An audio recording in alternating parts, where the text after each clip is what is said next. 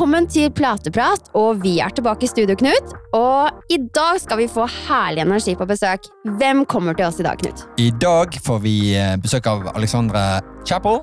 Yes, En eh, diger, fet, kul fyr som vi har fått lov å jobbe med. Som, eh, som har en fantastisk kanal på YouTube.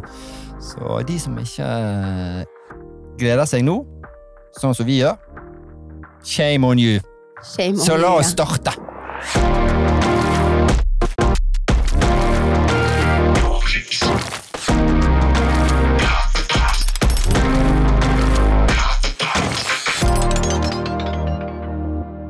Du, velkommen, Alex. Tusen takk. Sier tusen takk. Er det ja, greit? Alex er det... Jeg hører Alex du er bruker det litt selv også. Ja, Alex er mye lettere. Ja? Ja. Så bra. Velkommen til oss. Tusen takk Tusen takk for en Veldig- fin introduksjon. Ja, vi prøvde så godt vi kunne. Internasjonale gjester på besøk vet du, med fantastiske tall på i YouTube. Så blir man litt sånn eh, hva blir, Jeg ser det gløder litt i begge øynene våre. Det, er det, det er det nærmeste man kommer av Starstruck. Ja, Rett og slett. Så, Det var det jeg eh, følte ja. med den introen der også. Ja, ja, Så, eh, absolutt. jeg svetter jeg sitter her og svetter av glede. Bare, hvordan skal vi angripe denne hyggelige fyren som er i studioet vårt, og spørre han om alle de deilige, digge spørsmålene? Men først må vi jo på en måte, de som lytter til oss, må jo på en måte bli litt kjent med han, for vi vet jo veldig mye om deg. Men kan ikke du på en måte fortelle litt, Alex? Hvem er du? Jo, jeg heter Alexander Chapell. Kan kalle meg Alex. Eh, Jeg eh, jobber fulltid som YouTuber. Eh, Og kanskje grunnen til at vi ble kjent, er at i det siste året så har jeg gjort et oppussingsprosjekt hvor vi har kjøpt en leilighet, jeg og kjæresten min, og så har vi revet hele greia helt til bånn, og så bygd den sakte, men sikkert opp igjen. Um, det er ikke det jeg begynte med som på YouTube. Um, før YouTube er jeg utdannet industridesigner. Jeg har jobbet litt som det, og så har jeg jobbet et par år som møbelsnekker. Gikk lei av det og satset på YouTube, hvor jeg har gjort masse forskjellige prosjekter basert på mye 3D-printing, litt samarbeid mellom både 3D-printing og trearbeid, metallarbeid, ja, litt forskjellige ting. Men eh, hvordan startet denne YouTube-satsingen? Altså, Ja, og når si satset den? Når begynte den? Eh, jeg har vel jobbet med YouTube fulltid i tre år, litt over tre år, tre og et halvt kanskje. Um, og det startet rett og slett fordi jeg har alltid hatt litt interesse for å lage film. På, på skolen når jeg studerte industridesign, så hadde vi et prosjekt i fjerde klasse hvor vi skulle bruke ja, en viss del av semesteret på å lage en film. Da lagde jeg en film hvor jeg dreide en liten metallpenn Eh, og vi måtte legge ut denne filmen på Vimeo. Det var liksom en del av oppgaven. Og Vimeo på den tiden var ikke så stort som YouTube. Det er fortsatt ikke så stort. Eh, men eh, den fikk 140 000 visninger, Oi. som var eh, veldig overraskende og veldig gøy. Og da, helt siden da har jeg tenkt liksom, ok, kult. Det, um, det er på en måte potensialet å gjøre ting som jeg liker, og få seere. Og så ser man jo andre folk som liksom lever av YouTube. Eh, og etter en liten stund hvor eh, jeg hadde jobbet litt med, som møbelsnekker, fordi jeg jobbet møbelsnekker, lagde møbler for kunder, så begynte jeg å gå lei av det, og så begynner man å tenke mer og mer på dette YouTube og videogreiene, så er det sånn, ok, hvis det går, så er det få andre yrker hvor man kan lage det man har lyst til, man får beholde det man har laget, og man kan tjene penger på det. Så da tenkte jeg, uh, hva er det verste som skjer? Jeg starter eh, å uh, leie et eget verksted, begynner å lage YouTube-videoer, og det aller verste som skjer er at jeg ikke kan leve av det, og så har jeg bygd opp et verksted, og så kan jeg bare gå tilbake til å begynne å lage møbler igjen. Ja. Mm. Det tok et år, Um, et helt år med å lage YouTube-videoer på fulltid, så å si utelukkende det, noen få prosjekter her og der, for jeg begynte å gå tom for penger. Eh, og etter et års tid så begynte det å gradvis gå bedre og bedre, og så plutselig så er det Det går veldig sånn spontant over til å være sånn Ok, nå kan jeg leve av det. Og du snakker jo altså, Det må jo virkelig få frem. For du- altså, jeg hadde jo introen her at du har energi, og det har du virkelig. Og det merket jo jeg også når, vi, Mm. når du gjorde disse innslagene for Nordgips. Så var jo det på en måte tilbakemeldingen også det første alle gipserne sa. Å gud, for en fantastisk energi! Og spørsmålet mitt er liksom Har du alltid, alltid snakket på engelsk, eller har du, begynte du på norsk, eller hvordan var det der? På YouTube har jeg alltid snakket på engelsk, fordi det er rett og slett mye større marked. Skulle jeg snakke på norsk, så er det veldig vanskelig å nå 100 000. Altså de store norske influenserne er 100-150, kanskje, Mm. eh, håndverkere. Mens eh, det er flere internasjonale, altså engelskspråklige håndverkere på YouTube som har millioner. Mm. Og det er mye Altså, jeg tror ikke jeg hadde vært der jeg er den dag i dag hvis jeg hadde snakket på norsk. Nei. Tror du det er på en måte en ting at du er det hodet du er, og er den personen du er, men er det, tror du det også er en av de nøkkelgreiene til at du har fått For du har ekstremt gode seertall. Altså Det er oppe i ganske høye, høye tall. Ja, det varierer litt, men av og til så er det er jeg veldig Ja. happy, altså. Og da er det mennesker og, rundt i hele verden. Ja. Eh, men også det, det er nordmenn her også, som eh, Ja. Absolutt. Det er- kjempekult. Det er kanskje en tredjedel som er fra USA og engelskspråklig og sånn, og så er det kanskje 5% eller noe sånt som er fra Norge, Norden. Sånn. Så Mm. det er jo en relativt liten del i Norge, men fortsatt rundt om i verden så er det mye. Det er mye Tyskland, det er mye England, Mm. så det er veldig gøy. Hvor lang tid bruker du på disse videoene? Er det mye, mye arbeid? Det er veldig mye arbeid. Ja. Er det mye planlegging på forhånd? Um, jeg planlegger på en måte i hodet mitt i forhold til hva jeg tenker kan være en interessant um, mengde med liksom, content å vise frem i en video. Uh, så pleier jeg å planlegge sånn at ok, um, ett rom, gips på ett rom, bygge stendeverk og gipse, det er på en måte et bra prosjekt. og Liksom, det er nok innhold, og ikke for mye at lyden blir for lang. Um, og da jeg pleier å bruke, sånn som under oppussingsprosjektet nå, så har jeg pleid å bruke rundt to uker per video. Mm. Tar det så lang tid? Du ser det at eh, din uh, Noribs-Knut sin rolle, den må Da skjønner jeg at jeg må eh, heve innsatsen sjøl på eh, Du videoredigering må få flere timer i døgnet, Knut. Det er tydeligvis uh...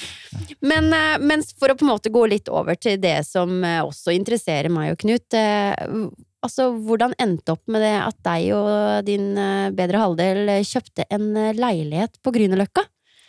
Eh, og da begynte en reise der. Hvordan startet det her? Altså det startet egentlig kanskje et år før um, vi kjøpte den leiligheten. Uh, jeg har lenge hatt lyst til å liksom gjøre et oppussingsprosjekt. Det var jo da noe jeg hadde tenkt å liksom kjøpe en mye mindre leilighet og gjøre det alene. Um, og så ble vi kjent, og så begynte vi å snakke om at ok, kanskje vi skal flytte inn sammen. Og da kom jo også liksom temaet skal vi kjøpe noe som er ferdig. Jeg hadde veldig lyst til å kjøpe noe som er et oppussingsprosjekt fordi jeg ville lage en YouTube-serie av det. Eh, Jeg tror ikke det lønner seg i Oslo å kjøpe oppussingsobjekter for å pusse de opp og eh, prøve å liksom tjene masse penger på det. Jeg tror det er et veldig vanskelig marked i Oslo, men for min del så var det jo sånn at jeg kunne bruke oppussingsprosjektet som content og tjene penger av at jeg lager videomateriale, og at jeg kan lære masse nye ting. Mm. Så etter litt prating så var det sånn, ok, greit, eh, siden det er alltid liksom veldig stressende å liksom skulle pusse opp, alle sier at det er liksom veldig mye pes.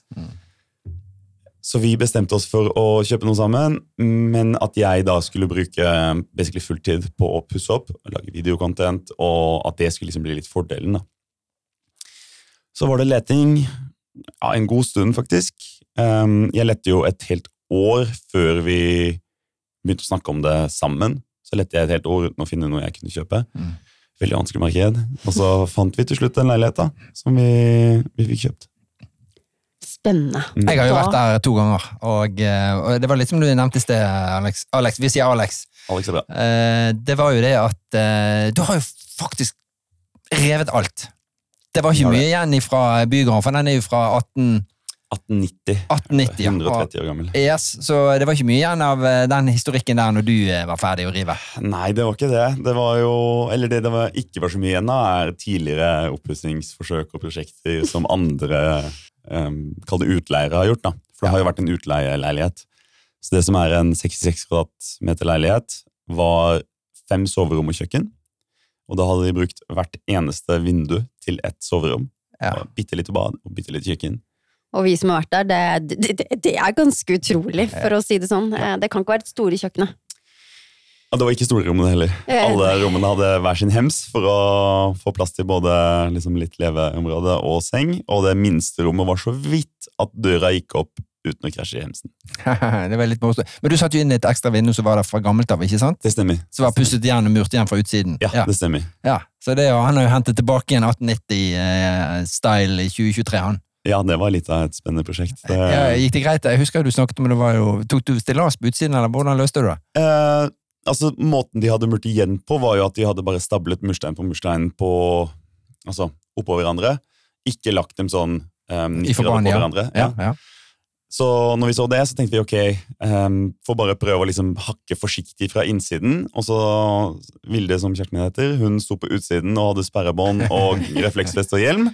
Og så hadde vi vi snakket hverandre på telefon, og hver gang det gikk noen forbi, så stoppet jeg. Og når det var klar bane, så begynte jeg å hakke løs. Og bare håpet på at ikke noen av disse steinene skulle dette ut. Det var HMS på høyt nivå, hører jeg. HMS på høyt nivå. Det gikk uh, veldig bra. Det var, eh, jeg vil kalle det ganske trygt. Jeg hadde til og med bindt meg fast, sånn at jeg ikke skulle dette ut dette hullet. Så bra. Det var mitt neste spørsmål. Hadde du, hadde du tøy på deg? Men, men, eh, men la oss tilbake igjen, for jeg husker jo det at eh, du, du har jo brukt litt gips fra brukte masse En superdigg eh, plate. Og så så jeg på YouTube eh, den The Fastest Way to Drywall. Eller Hang or Drywall heter det Ja. vel, videoen din. Ja. Som har fått 119 000 views. Kult. Mm, mm, mm, Tenk på de tallene. Ja, det er veldig, tallet er viktig, vet du. Og, eh, og så tenker jeg, du har jo noen sånn utrolig morsomme historier med hvordan du fikk gipsen opp, da. Fortell litt om det. Ja, det. det må vi høre. Ja, herregud. Um, så det er jo sånn at dere har bidratt med hele, alt gips til hele leiligheten, og det kom i én go. Og det kom jo akkurat sånn som jeg trodde det skulle komme. Det kom på paller. Eh, Jeg visste akkurat hvor mye det skulle være, jeg visste akkurat hvor store det var, for dere har jo annen informasjon på det. Ja, vi hadde jo informert deg også at det kan være greit å ha noen ekstra folk på, på plass når, det, når gipsen kommer. Absolutt. Jeg tenkte det skulle være ikke noe problem i det hele tatt. Um, så det jeg gjorde var å gå på mitt anbud, legge ut prosjektet. Da viste jeg dem akkurat hvor store platene var, hvor tunge de var, hvilken etasje, absolutt alt. Fikk et par tilbud. Det gikk faktisk veldig bra helt i starten. Akkurat når gipsen var lesset av, helt ferdig, så dukket bilen opp med um, fire stykker som skulle begynne å bære. Som så skeptiske ut allerede når de gikk ut av bilen. Og så kom vi ikke lenger til at de prøvde å bære én plate, og det er sånn Når du kommer inn i trappeoppgangen, så er det først to-tre trappetrinn, og så går det to-tre trappetrinn til, og så begynner liksom etasjeskillene. Så de klarte å bære den første til opp til liksom, kall det den første halve etasjen, før de ikke klarte å komme seg noe særlig sted. Så hjalp jeg dem med å prøve å vri den og bære den opp, og liksom ok, vi kan finne ut en måte å løse dette her på. Vel å merke, dette her var de ekstra lange ultrabartplatene, så de veier vel 40 kilo, hvis det ikke er helt feil. Ja, ikke noe sånt, ja. ja. Ja. Så de er store og tunge, som vi visste. Um, og så endte de med å liksom klare å sånn halvveis bære opp den ene plata en etasje, før de liksom på en måte ga opp. Så bar jeg den opp alene, hele veien opp, inn i leiligheten, kom ned igjen. Så hadde de allerede liksom halvveis begynt å bære en en til, men så når jeg kom hjem, så var de sånn Nei, vi har egentlig ikke så lyst til å gjøre dette her.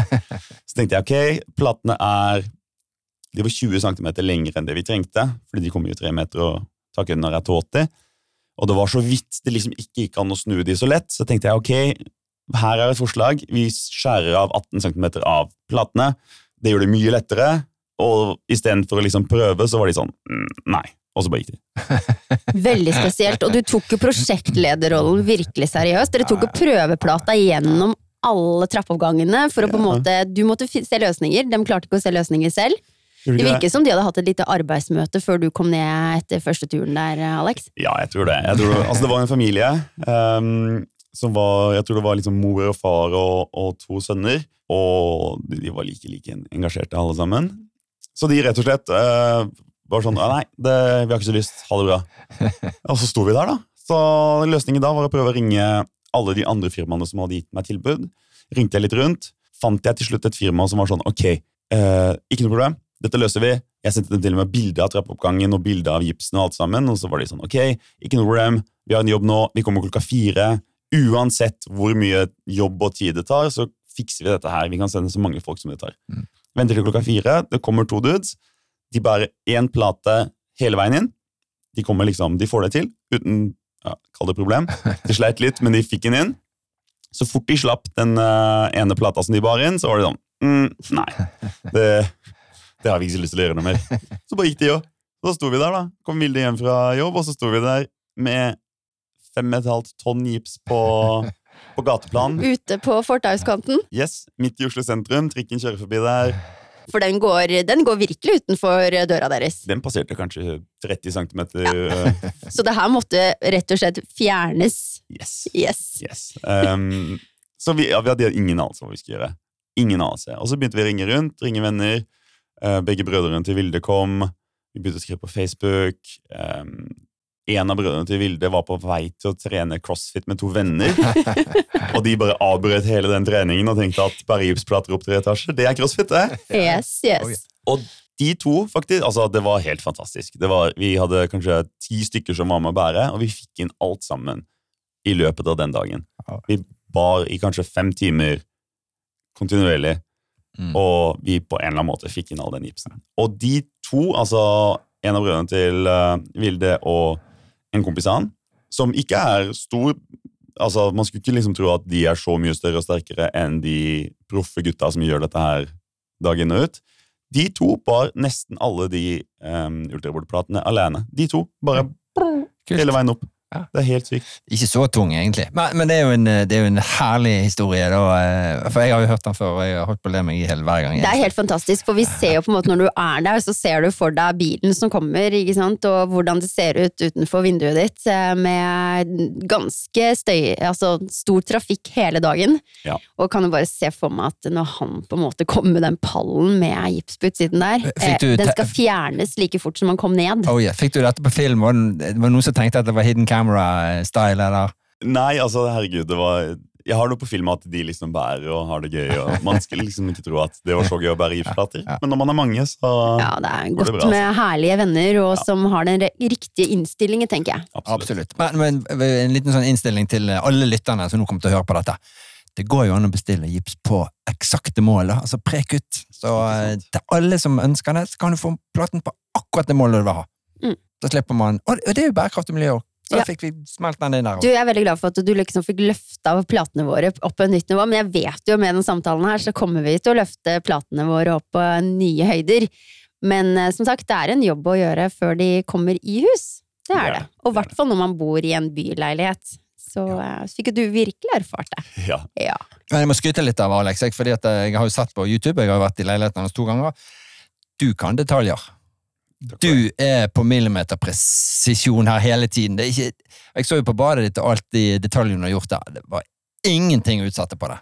Tusen takk. Du får eh, tårer i øynene av å se kvalitetshåndverk. Ja, Jeg var imponert når du sa du hadde gjort det selv, for jeg tenkte at her, her har det vært en eller annen som har lang reise i å legge flis. Og ikke minst for detaljer. For det, det var eh, det var vått i øyet, for å si det sånn. Det var flott. Tusen takk, Virkelig. tusen takk. Imponert. Det er kanskje derfor Men, jeg har fått eh, Lang tid, ja. ja, et år istedenfor tre måneder, som vi trodde det skulle ta. Men, eh, men eh, i den leiligheten, som sagt, vi snakket om at det var eh, et rom, og at det var mange soverom og den biten der. Når dere på en måte skrelte ned hele leiligheten, for det var jo virkelig det dere gjorde, eh, hva var på en måte viktig for dere å, å oppfylle i dette, i dette nye boligen deres, som dere skulle flytte inn i? Så vi ville jo ha egentlig det stikk motsatte av hva som var leiligheten før. Før da var det en haug med små, små rom overalt. Det var ikke noe åpen, åpent rom noe sted. Så det vi ville gjøre, er å rive mest mulig og ha mest mulig åpne rom. Og selvfølgelig større bad, større soverom, mindre rom, altså færre og større rom. Og så ville vi på en måte få alle flatene til å være rette og fine og nye i motsetning til det som var, som er kanskje ok, det så helt ok ut ved første øyekast, men taket var skeivt, gulvet var veldig høyt for det har vært retta av mye høyere enn det hadde behøvd å være. Halvparten av gulvet var skeivt. Altså, det var veldig mye skeivheter og veldig mye som bare ikke hadde den finishen og presisjonen som vi ønsker, da. Mm. Du, du hadde stort avvik òg, husker jeg. Fra ene til andre side. Det var jo noen centimeter. Hvor mye var det? Jeg tror det var Jeg tror det er 16 cm høydeforskjell i rom, er det nå. Så det er jo fra liksom inngangsdøra til vinduene i andre diagonalt over, Mm. har det siget 16 cm. Og det er rett og slett for hele bygården har sunket Ja. ved fasaden pga. den her ute ved trafikkert vei. Mm. Trikken har gått der i ja, 100 år. 16 cm mye, det. Du, det er veldig mye, i hvert fall når man tar fram målebåndet og Ja, ja. faktisk eh, ser det med sine egne øyne. Mm.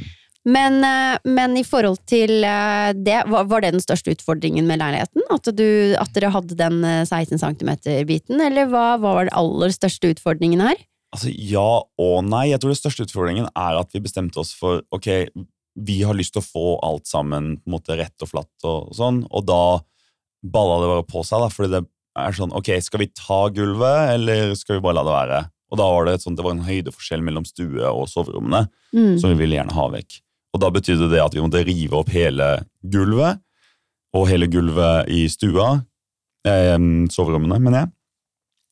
Som var jo veldig mye jobb, for da må du jo bære ned alle disse materialene som du river opp, og så må du bære inn nye materialer. Og ikke nok med det, vi bestemte oss for å rive taket, som er kanskje noe av det mest skitne jeg har gjort noensinne. For der er det jo Måten disse gamle leilighetene i Oslo er bygd, er jo, det er jo fylt med leire i etasjeskillene. Og den leiren har jo nå tørket ut over 100 år, så det er egentlig støv og jord og liksom Ja, gammel skitt. Um, så det, det detter jo i hodet på deg når du begynner å rive disse takpanelene. Og så er det bare å begynne å bygge opp igjen, da. Og så er det å bære ut altså, alt det avfallet. Det, altså, det, det, det blir mye gratis trening her, hører jeg. Ja, herregud. herregud. Men eh, vi selvfølgelig, vi så jo potensialet her med en gang, og vi kicka jo på leiligheten din, og var ganske raske med å komme ut med våre forslag. eh, Og eh, var jo selvfølgelig vi bare gir forslag, vi, og så er det du som på en måte må bestemme deg om du ønsker å adoptere dem. Det var Men, viktig, altså. Og så, så har du som sagt som du fortalte oss at du bærte opp disse ultraboard-platene, og det var jo en av de forslagene vi kom med, meg og Knut Mm. at ultraboard på veggen, det måtte du ha. Ja. Og én ting er jo var i forhold til det at vi, vi visste, ut ifra det møtet vi hadde med deg, at du ønsket å Du var opptatt av kvalitet, og det skulle gjøres ordentlig. Du hadde detaljene og allting. Og så hadde du på en måte litt utfordring på utsiden også, med, med trikk og mye trafikkstøy som vi ønsket å holde litt borte. Mm. Men hvordan da er jeg spent på, da, for at du, det, det var mange plater du fikk opp i hus. Veldig mange. Det var helt pall. Du ble godt kjent med plata. Absolutt. absolutt. Eh, og hvilket rom var det du på en måte brukte ultraboarden på i forhold til hva den kunne gjøre for deg? Jeg har brukt ultraboard til alle veggene i hele leiligheten. Um, alt unntatt taket. Og det har, vært, det har vært helt fantastisk, fordi jeg har brukt den til liksom litt forskjellige ting. Både selvfølgelig de ekstra veggene vi satte opp. Der hadde vi jo nedlittstenderne som eh, var kjempelett å sette opp med å bare nedlitt, klemme de sammen, og så legge den plata på og skyte den på. Mm. Som herregud, det, er jo, det gikk så fort, og det var veldig, veldig digg. For da var det jo det andre tingene vi på en måte sa til deg, at vi hadde fått eh, Nail It Indoor-systemet, eh, som vi, var- som vi syntes var innmari kult, og det var veldig effektivt. effektivt. Mm. Eh, og du var jo på en måte en av de første sånn utenom vår eh, organisasjon som eh, fikk muligheten å prøve deg på det. Knut kom opp med spikerpistolen og hadde en liten session med deg. Fortell, eh, hvordan, eh, altså sånn eh, om systemet og monteringen, eh, din reise der. Du, det gikk eh, kjempebra.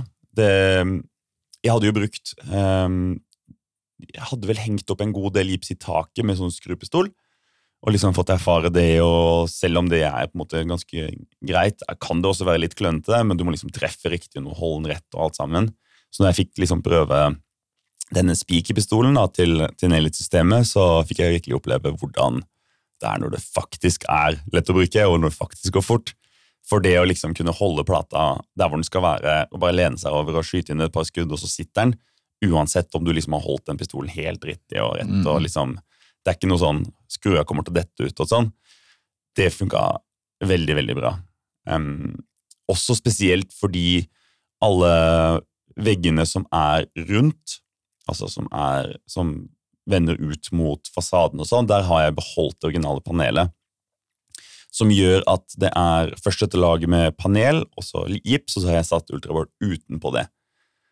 Og det har jo vært helt fantastisk, fordi jeg har bare skutt med lange spiker tvers gjennom alle lagene, og Mm. det sitter Dønn Ja. og det er jo enda bedre, fordi jeg må ikke liksom passe på å treffe en stender eller noe som helst, så det er jo det letteste jeg kan gjøre i Mm. det hele tatt. Og så syns jeg på en måte systemet i seg selv, det, det passer jo personligheten til Alex veldig, veldig godt. Oh, ja. Altså, han fikk jo det, det, Du, du mestra det. det. Det satt fort i hendene på deg. Du ble, du ble gira. Ja, Ja, man blir jo gira når det går så fort. Det er jo kjempegøy. det er jo det. Ja. Absolutt. Spart en måned der, Ja, minst. Men eh, sånn ellers i Du har jo på en måte, som sagt, du, du har gjort badet, og du Dere har jo gjort alt, absolutt alt selv. Ja. Eh, og så vil jeg jo på en måte, tenker jeg når vi er litt inne på platene våre og Nelly-systemet, så er jeg jo nysgjerrig på den siste greia når det gjelder sparkling. For eh, hvordan syns du sparklingen var når du hadde brukt Nelly-systemet? altså jeg brukte jo de der, hva heter de, båndfyller Mm. Ja. til skjøtene der hvor vi hadde satt opp eh, vegger med det nailsystemet. Mm. Eh, Funka kjempebra. Det, man tror liksom når man, når man setter dem opp og sparkler og sånn, så bare er dette, Kommer dette til å være bra? Og så, så fort sparkeren tørker, så var det sånn Ja, det ble faktisk veldig bra. Ja. Så det funka helt fantastisk. Det var veldig lett å liksom ja, grise det på. Det er mye lettere enn å liksom måtte prøve å, å liksom ha på en papirrimse som du da skal liksom prøve å få ut boblene av, og så revner den litt, og så frem og tilbake. Mm. Den der plastikkremsa er så mye, å bare, mye lettere å bare Mm. kline full og skrape av, og så er det, er det good. Mm. Så det funka veldig bra. Så bra. Ja. Og disse spikerhullene var kanskje litt bedre enn eh, disse skruhodene til å sparkle og sånne ting? At det var, ble, en, ikke, ble ikke så mye sparkel du måtte bruke, kanskje? Ja, absolutt. Det, det funka kjempebra. Det var um, Det som er vanskelig med dem, er jo de er så små, så de er vanskelig å finne. Ja, ikke Du må liksom passe på at du liksom får med deg alle sammen, og så, og så blir det veldig bra. Men der kommer du godt med, du har jo øye for detaljer, Ikke så det er ikke noe stress det. Skal ikke stoppe det, vet du. Men vi, må nesten eh, Vi må berømme din kjæreste Vilde. For jeg har jo som sagt vært i leiligheten og kommer sikkert til å nevne det flere ganger i episoden at jeg har vært der, og er veldig stolt av det. Men så tenker jeg den teglveggen som hun har arbeidet med. Herregud, det er for et prosjekt. Så for å forklare litt, er at vi har jo to steder i leiligheten hvor vi har tatt den originale um, teglsteinsveggen, og så har vi skrapet den ut av det som noen steder var veldig mye murpuss og alle, alt, mulig som var utenpå der. Og det har vi eh, rett og slett gjort så å si helt alene. Hvor Mm. hun først har liksom med meg, hammer og meisel hamret vekk alt dette her fra utsiden av mur, murveggen. Og så, siden den er liksom 130 år gammel, så har murpussen så å si falleferdig, så den er veldig porøs, og liksom når du skraper litt på den, så detter alt sammen ut. Så hun har rett og slett skrapt ut alle fugene på disse to veggene. Liksom veldig, veldig, veldig nøye, og så pusset alle steinene, liksom skrapt løst og rent alle Mm. steinene, og så fylt og murt inn igjen alle disse små bitene. Ja, det er helt fantastisk. Mm. Nesten sånn en liten sånn tannbørste, liksom. Bare Ja, ja. sitte og skrubbe hver eneste. Det er tålmodighetsarbeid. Jeg hadde aldri hatt tålmodighet til det. Du begynte vel litt selv, og så vel at det, her måtte det et annet hode til. Ja, absolutt. absolutt. Og det blei veldig, veldig bra. Jeg tror ikke liksom en fagperson kunne fått til noe bedre. Nei, Det det er ser eh, det, det, er, det er kjærlighet til hver eneste teglestein nei, Ja. For å virkelig. Ja, det, ja den, er så, den er så herlig, den veggen. De to veggene, at der kan du spise biff og bearnés hver dag. På den veggen her. altså. For den er helt digg. Ja. Så du kan like bare stå der borte og spise måltidene dine, for det blir kjærlighet med en gang. Ja, Sånn er det. Ja, det er helt, all ære til Vilde der. absolutt. absolutt. Nei, jeg syns jo dere det, det, Når vi er på inne på Vilde også, så må jeg jo si at dere er jo et strålende couple, da. Eh, altså, og med Dere får gjort eh, får unna ting. Jeg vet jo at du er litt eh, tidspositiv. Det, det nevnte jeg jo litt for deg i stad. At du er positiv til eh, tiden og tar eh, som regel Man plusser på en ekstra, i hvert fall en ekstra uke. Eller måned. Eller måned, ja. Ja. Men jeg ser når dere holder på sammen, dere får gjort mye. Eh, når dere først er der begge to og har det, hver deres ansvarsområde, så, så, går, så går det virkelig unna. Og du er jo flink til å vise frem den jobben hun også gjør. Jeg så jo blant annet at hun hadde jo lagt eh, eh, fliser på gulv.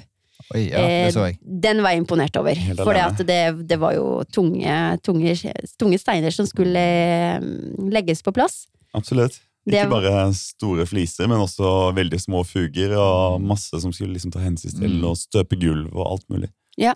Men da holdt hun på med sitt, og fikk den unnagjort, mens du holdt på med noen andre ting. Så det, det var eh, Ja, dere er et kjempe, kjempeflott par, for det er noe med det der å gå inn i et sånt oppussingsprosjekt. Man, eh, man har mange rosa tanker og, og hvordan det her skal bli, og man klarer ikke å se helt for seg hvordan det skal bli, og man håper jo at begge to skal bidra like mye, og at vi skal komme innenfor eh, tiden vår. Og der må jeg jo si at der har du jo på en måte sjekk på begge to. Dere har jo gått inn på et prosjekt der begge to har fått bidratt, og ja, det har blitt et kjempeflott resultat. Tusen takk for det. Og da er jeg jo selvfølgelig nysgjerrig nå. Ikke Ja, sant? det- Da, da kommer jeg liksom den. Hvor er dere i prosjektet i dag, Alex? Du, nå har vi kommet så langt som at det så å si er ferdig med det vi kan kalle oppussingsbiten.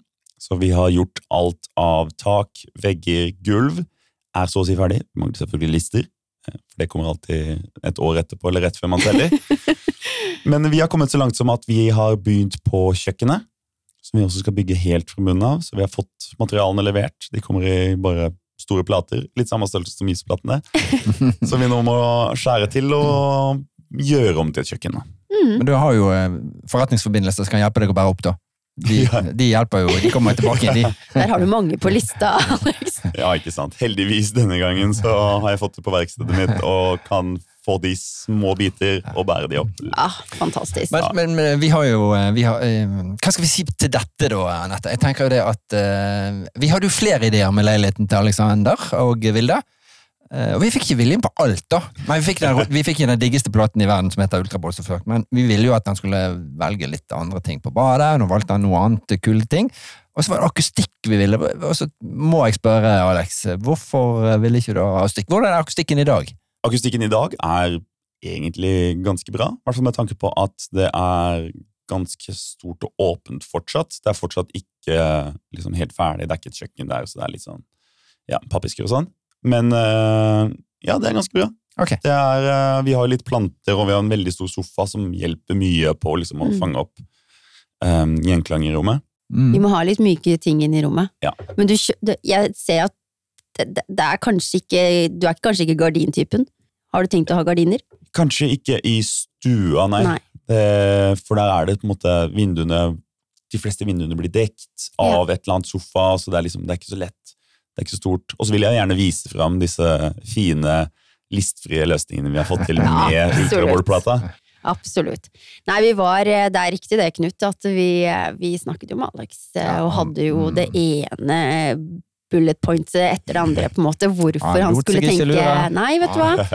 Eh, men, eh, men det kan jo være at han har gjort noe At på grunn av at han har eh, brukt ultraboard på veggene, og han har jo virkelig sittet med tannbørste i hver eneste hjørne der inne, at, det, at han har lurt denne akustikken til å bli fantastisk god for det. Det vet vi jo ikke. Men det blir spennende. Vi kommer selvfølgelig på besøk når kjøkkenet er ferdig og alt det der, vi. Ja. Men, eh, men Biff er bearnés i hjørnet, vet du. Ja da. Med murveggen. Yes. Ja. Nei, altså, må, du skal jo få lov til å, å fortelle hvorfor du ikke gikk for de gode argumentene til meg og Knut når det gjaldt akustikk. Det syns jeg han fortjener å fortelle hva, hva som er litt Du, det største grunnen egentlig er rett og slett takhøyde. Så det vi har brukt veldig mye tid på, er å få høyest mulig takhøyde. Vi rev hele gulvet og hele taket og prøvde å rette opp det så absolutt høyt som vi overhodet kunne. Og liksom til og med har skåret ut noen biter av på en måte stendeverket som holder oppe taket, for å få liksom de ekstra centimeterne. Gjort det samme med gulvet. Virkelig liksom pushet det Mm. begge veier. Mm. Så da er det rett og slett sånn at eh, når vi da skulle liksom tenke ok, skal vi montere akustikkplatene som da måtte henge litt under, så mista vi fire centimeter eller noe sånt. Nå. Mm. Så tenkte vi akkurat i dette prosjektet her, når vi har den takheten vi har og har lyst til å ha så mye av den som vi kan, så har vi heller bare rette plater. Um, men til et fremtidig prosjekt hvor vi kanskje har litt større takhøyde, så er det absolutt noe vi har lyst til å Men du brukte Norips plan i taket da, Alex? Absolutt. absolutt. Vi fikk Det er Så vi- Vi fikk eh, merkevaren vår i taket for det. Ja, det Det er jo en fantastisk flott plate, det også, som eh, hjelper deg selvfølgelig i sparklejobben og eh, ja, får noen gode, skjøt, fine skjøter. Og, Absolutt. Ja. Det var helt fantastisk å liksom måtte slippe å ja, sparkle sånn utrolig langt ut på de eh, skjøtene i, i kortendene. mm. Det, var, det var helt fantastisk. Mm. Det, det funka veldig, veldig bra. Så der klarte vi å overtale deg til å gå for Det var ikke så vanskelig å overtale. eh, Nei, det er ikke tvil om at nå gis det mange kule gipslåter, og eh, dagens episode heter jo Plateprat, eller selve Men det som jeg tenker er sånn tips da, til andre eh, lykkelige mennesker som deg og Vilde, Alex, eh, som skal kjøpe seg en leilighet. Hva, hva tenker du de bør tenke på forhånd? Som, hvilken feil og, og fallgruve har du, dere dukket opp i, som de bør tenke på? Altså, Det er jo forskjellige utfordringer avhengig av hva du liksom selv velger å gjøre. Vi har valgt å gjøre veldig mye selv, så å si alt selv. Og det betyr jo at det er veldig mye jobb, det kommer til å ta veldig lang tid. Og det som jeg kanskje kanskje advarer folk mest om, er det å prøve å bo i et prosjekt som er oppussing. Nå er, har vi ikke noe barn, så det er på en måte bra. Folk som har barn, skjønner jeg ikke åssen får til det i det hele tatt. Men vi har jo da til tider og i lengre perioder bodd i et oppussingsprosjekt som har betydd at vi har hatt ett støvfritt rom, hvor vi har, for å kunne liksom stå opp om morgenen og kunne gå på do, har de omtrent ta på deg arbeidsskoene fordi det er så støvete i alle andre rom. Mm. Um, vi har til tider liksom pusset opp dag inn og ut i en leilighet som ikke har toalett. så liksom, Mm. Det er utfordringer. Så det ja, rett og slett planlegge hvor lenge du har tenkt å pusse opp. Og hvis du har tenkt å gjøre det selv, så kommer det til å ta mye lengre tid Mm. enn om fagfolk gjør det. Jeg ser, du er troverdig når du sier det. Det tar Ja. mye lengre tid. det liker jeg. At det, du er innforstått med tiden nå. Det er bra. Nå skal ikke vi gå inn på, eh, på alle tingene, men jeg tenker jo det at eh, Sånn som kvalitetsmessig, for nå har jo dere lagt det helt top notch på alt. Ja. Er det et punkt man må tenke på når man skal kjøpe seg en leilighet? Hvorfor bare overflatemale istedenfor å ta hele? Ja, det er et godt spørsmål. Jeg tror det er veldig mange Altså, det er jo litt sånn når, Det er jo litt sånn når man skal bo der selv, så er det jo kanskje lettere å gå for de løsningene hvor man vet at finishen er så bra, du kan liksom virkelig gå og se nærme på ting. Og det handler også litt med mennesket, da. Om man er en type mennesker som bryr seg. Jeg bryr meg veldig mye. Mm. Jeg har veldig vanskelig for å gjøre noe uten at det blir liksom helt perfekt, eller prøve å få det Mm. perfekt. Som har betydd at det har tatt veldig mye lengre tid. Mm. Men det er jo mange som kunne vært veldig happy med å bare male litt, Mm. sånne ting. Mm. Jeg tror å gå så grundig til verks som det vi har gjort, er kanskje ikke noe jeg ville anbefalt folk, med mindre du har masse tid og penger og kan få håndverkere til å gjøre alt sammen mens du fortsatt bor et annet sted. Mm. Ja, men det er jo det vi kaller eh, rom for livet. Det er rom for livet, det, vet du. Mm. Det er det dere skaper. Mm. Gjøre all in. eh, Jeg, jeg, jeg er helt enig med deg. eh, Jeg tenker selv at jeg hadde gått all in. Jeg. Ja. Fordi at man føler at man har kontroll på hele prosjektet. Man vet at alt er ivaretatt fra innerst til ytterst. Absolutt. Så, Mm. så jeg arresterer deg. Alle som skal pusse, må gjøre det skikkelig. Så må de bruke Ja. ultrabord. Absolutt. Bare følg med på YouTube-kanalen til Alex, så skjønner dere at dette er gøy. Det er jo veldig gøy. Altså, herregud, det er jo veldig gøy å liksom få lære seg alle stegene i den prosessen. Jeg hadde jobbet litt med gips før, men ikke, ikke så mye som det jeg har gjort nå. Jeg hadde aldri jobbet med ultrabord før. Det har vært en læringskurve som har vært veldig gøy. Jeg har lært masse nytt, lært om kule nye produkter, for eksempel de elprofilene. Fantastisk. Brukte til så mye mer enn jeg trodde jeg skulle bruke det til. Mm. Løst masse problemer som jeg ikke visste hvordan jeg skulle løse i forkant. Ja, det er den L50 stålvinkel. Ja. Ja, den er jo helt herlig. Den, eh, jeg visste ikke om jeg kom til å trenge så mye av den, og så sendte du meg en hel pakke, og så brukte jeg opp den med en gang. og en hel pakke til. Så det var, det var virkelig helt fantastisk. Snadder. Så vi sender nye hvert år, vi i julegave. Bare jevne mellomrom. Abonnement kan jeg egentlig bare ha på det. Så bra. Men eh, hvordan ser veien ut videre nå, Alex? Nå hvor eh, Nå er vi tilbake til det jeg kanskje er litt mer kjent med allerede. Det er veldig mye snekring, altså møbelsnekring.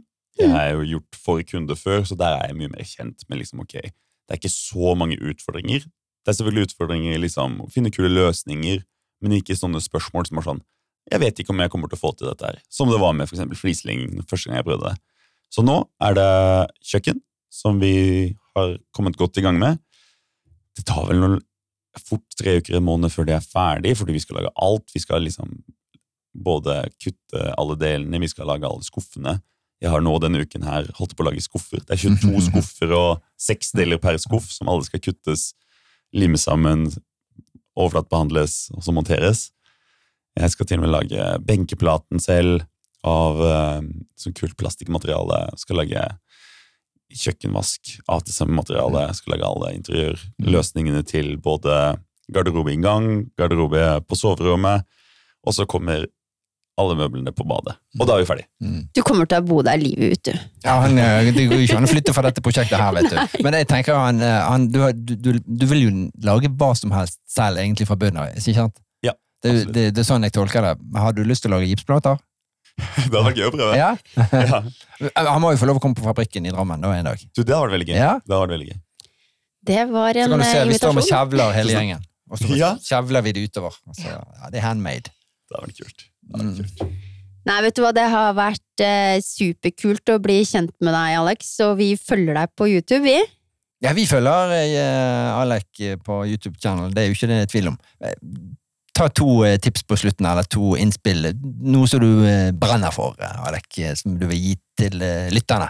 Noe jeg brenner for Um, Nei, altså det, det kanskje kan ta én ting som er relatert til ultravarplaten, og det er at jeg syns det var utrolig kult å kunne bruke den til måte, sidene og listfrie løsningen på alle vinduene og, og dørene, som har gitt en sånn både hard og veldig liksom rett og skarp kant som jeg er veldig, veldig fornøyd med. Mm.